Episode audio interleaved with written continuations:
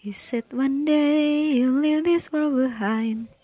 So live a life you will remember. My father told me when I was just a child. These are the nights that never die. My father told me.